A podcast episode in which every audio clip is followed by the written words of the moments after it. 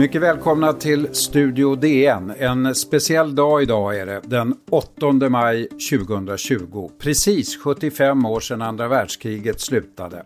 Ni som inte var på plats själva har säkert sett de jublande bilderna från Kungsgatan i Stockholm där människor kastades om halsen på varann, även om man inte kände varann tidigare.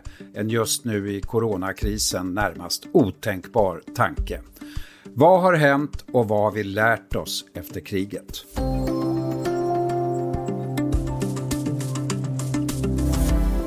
Serpentiner och vita lappar och sönderklippta pappersrullar dråsar ner över Kungsgatan. Från vartenda kontor sträcker sig hundratals människor ut. Alla jublar och är glada. Budet om segern har kommit. Ingen tänker just nu på arbete på hundratals av Stockholms kontor. En upphetsad Gunnar Helén den 8 maj 1945. En festdag för stora delar av världen men långt ifrån för alla i de sönderslagna länderna. Det ska vi tala om med DNs erfarna utrikesreporter Mikael Winiarski. Hej Mikael! Hej! Om vi börjar med att reda ut det här just den 8 maj. Varför är det den dagen krigsslutet firas? Ja, det var ju därför att det var den dagen som kapitulationshandlingarna mellan det nazistiska Tyskland och segrarmakterna, det vill säga Sovjetunionen, Frankrike, Storbritannien och USA signerades i Berlin. Och i Ryssland är det imorgon den 9 maj det firas segerdagen. Vi kanske allra först ska minnas att det var Ryssland som offrade allra mest för att besegra Nazityskland и наш долг добить врага, принудить его сложить оружие Marskalk Josef Stalin riktar sig här till Röda armén och de allierades segerrika arméer när de hade förenats i östra Tyskland i slutet av april 45. Vår plikt är nu att fullborda fiendens tillintetgörande, sa Stalin. 27 miljoner döda, var sjunde sovjetisk medborgare. Tre fjärdedelar av alla tyskar som stupade gjorde det i kampen mot de sovjetiska trupperna. Man kan väl utan vidare, Mikael, säga att Stalin och Sovjetunionen hade en mycket stark position när framtiden skulle diskuteras på Jalta i februari 45. Ja, eh, dels hade de ju som sagt eh, stått för de största offren med miljoner och miljoner döda.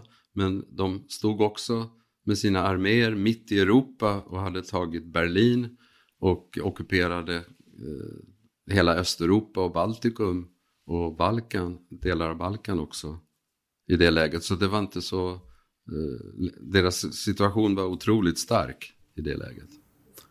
Och på Jalta delades Tyskland upp och Stalin fick också igenom sina buffertstater som det kallades för att minska risken för framtida angrepp mot eh, Sovjetunionen. Churchill och Roosevelt fick kritik för att ha gett efter för mycket för Stalin, inte sant? Ja, men det var ju, så att säga, det var ju grundat på läget på marken, där eh, fakta på marken så att säga. Sovjets arméer stod ju där, det kunde ju inte USA eller Storbritannien göra så mycket åt i det läget. Det var ju visserligen fanns det stämningar i, i, i väst att kanske angripa Sovjet och fortsätta det här kriget på något sätt. Men det var inte varken Churchill eller Roosevelt intresserade av utan de ville skapa ett fred nu för lång tid framåt i Europa. I Ryssland skulle firandet, eh, 75-årsfirandet i år ha blivit större än på länge. Men nu blir det för första gången ingen militärparad. Den ersätts då av en luftparad som det heter av 660 jaktplan och stridshelikoptrar. Man kan ana att president Putin som skulle haft eh, Frankrikes president Macron och andra ledare på plats i Moskva är besviken nu, inte sant?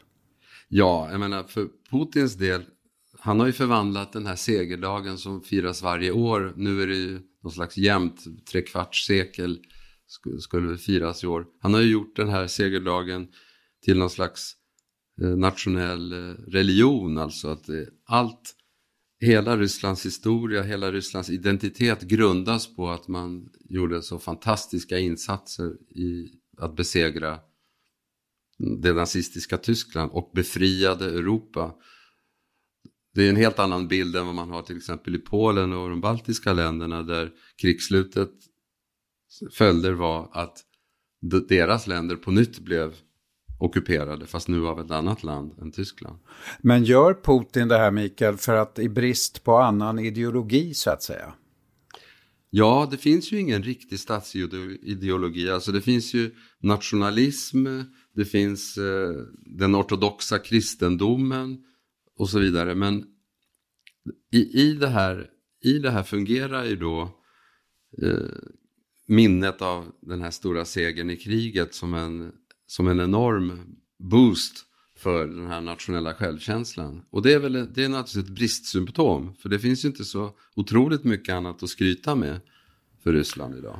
Och det är det ljuset man ser, med, man kallar ut de här odödliga regementena som, som det kallas på gatan också. Ett, som det sägs, folkligt initiativ, men kanske inte alltid så folkligt. Ja, nej. Nej, men det, det, men det finns ju fortfarande, det finns ju fortfarande de som lever som minns i Ryssland mm. än så länge. Och det, och det kan man, det, och deras barn och barnbarn, varenda, det finns ju inte en familj som inte hade någon som drabbades av kriget. Så att det, det finns ju viss, det finns ju liksom en, eh, eh, någonting att grunda all den här känslan på. Putin har ju eh, i tidigare år i Israel, Mikael, föreslagit en ny Jalta-konferens. Va, vad skulle han ha att vinna på det?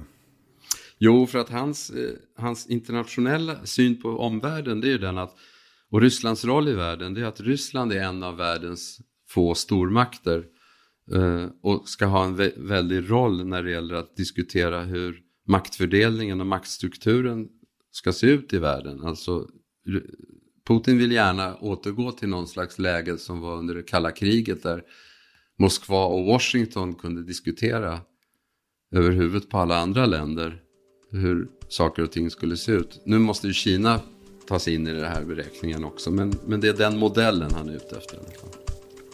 När vi kommer tillbaka ska vi tala mer om kriget och dess påverkan idag.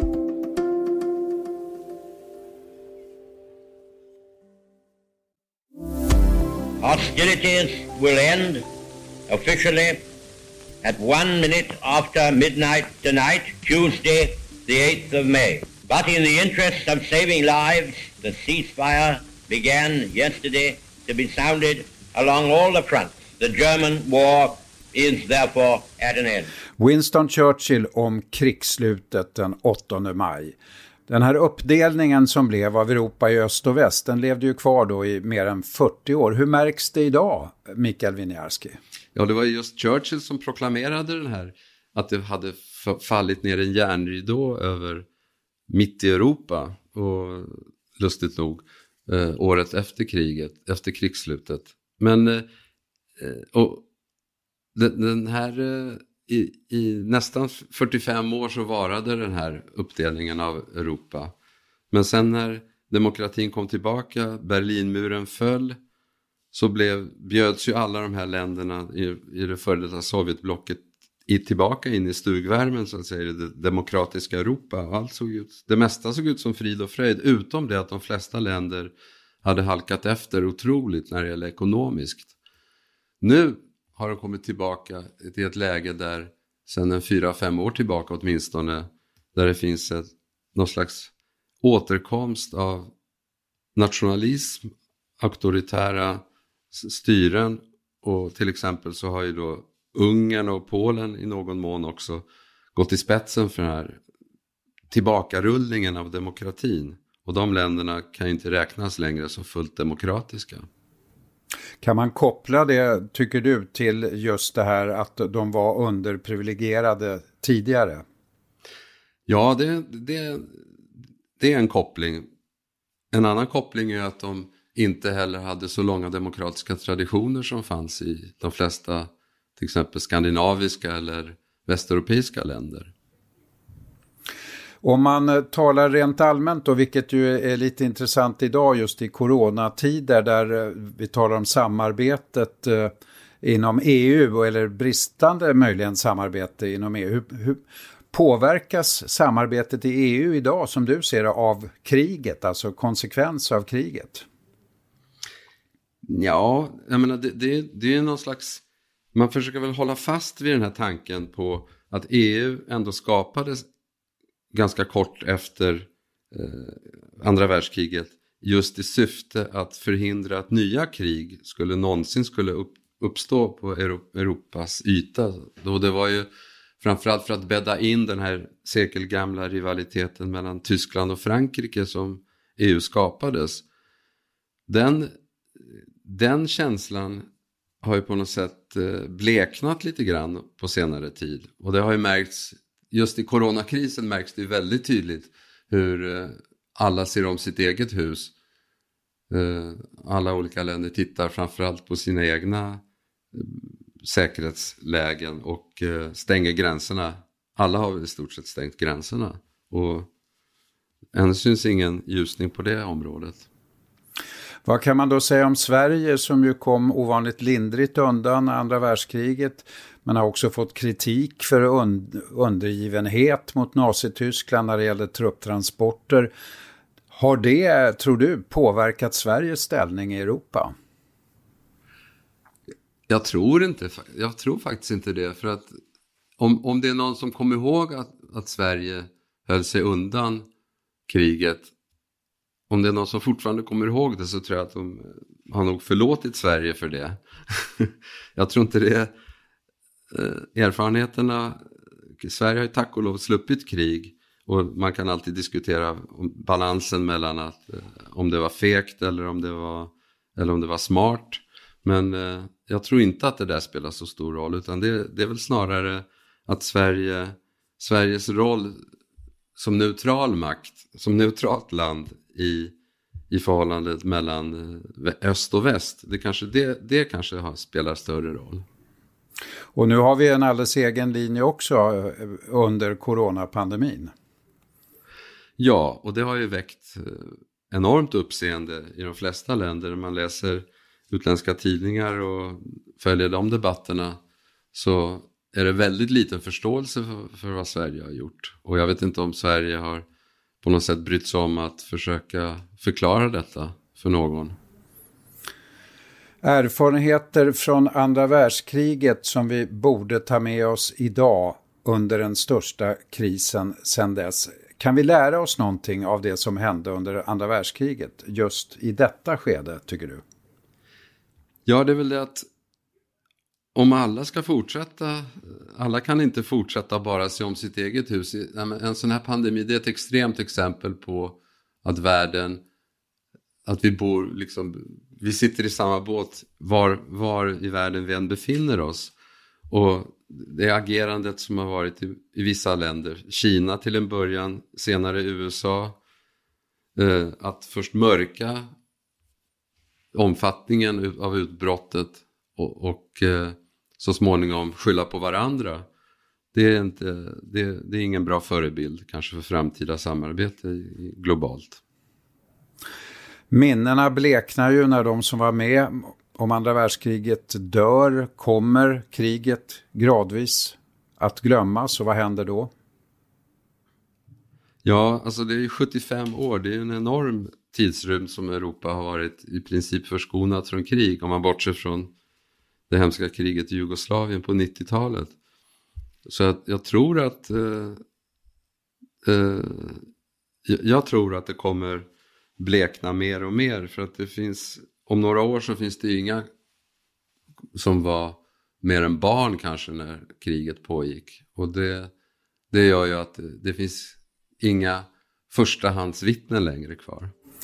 75 år har gått sedan krigsslutet 8 maj 45. Tack Mikael Winjarski. I Studio DN nästa gång ett samtal med Matilda Foss Gustafsson som avslöjade den så kallade kulturprofilen Jean-Claude Arnauds övergrepp på kvinnor som skrivit boksuccén Klubben och som nu intervjuat Ronan Farrow som i USA avslöjade filmogulen Harvey Weinsteins övergrepp. För ljudillustrationen idag svarade Sveriges Radio och AP Archive. Studio DN görs av producent Sabina Marmelakai, exekutiv producent Augustin Erba, ljudtekniker Patrik Miesenberger, teknik Oliver Bergman, Bauer Media. Jag heter Lasse Bengtsson. Vi hörs!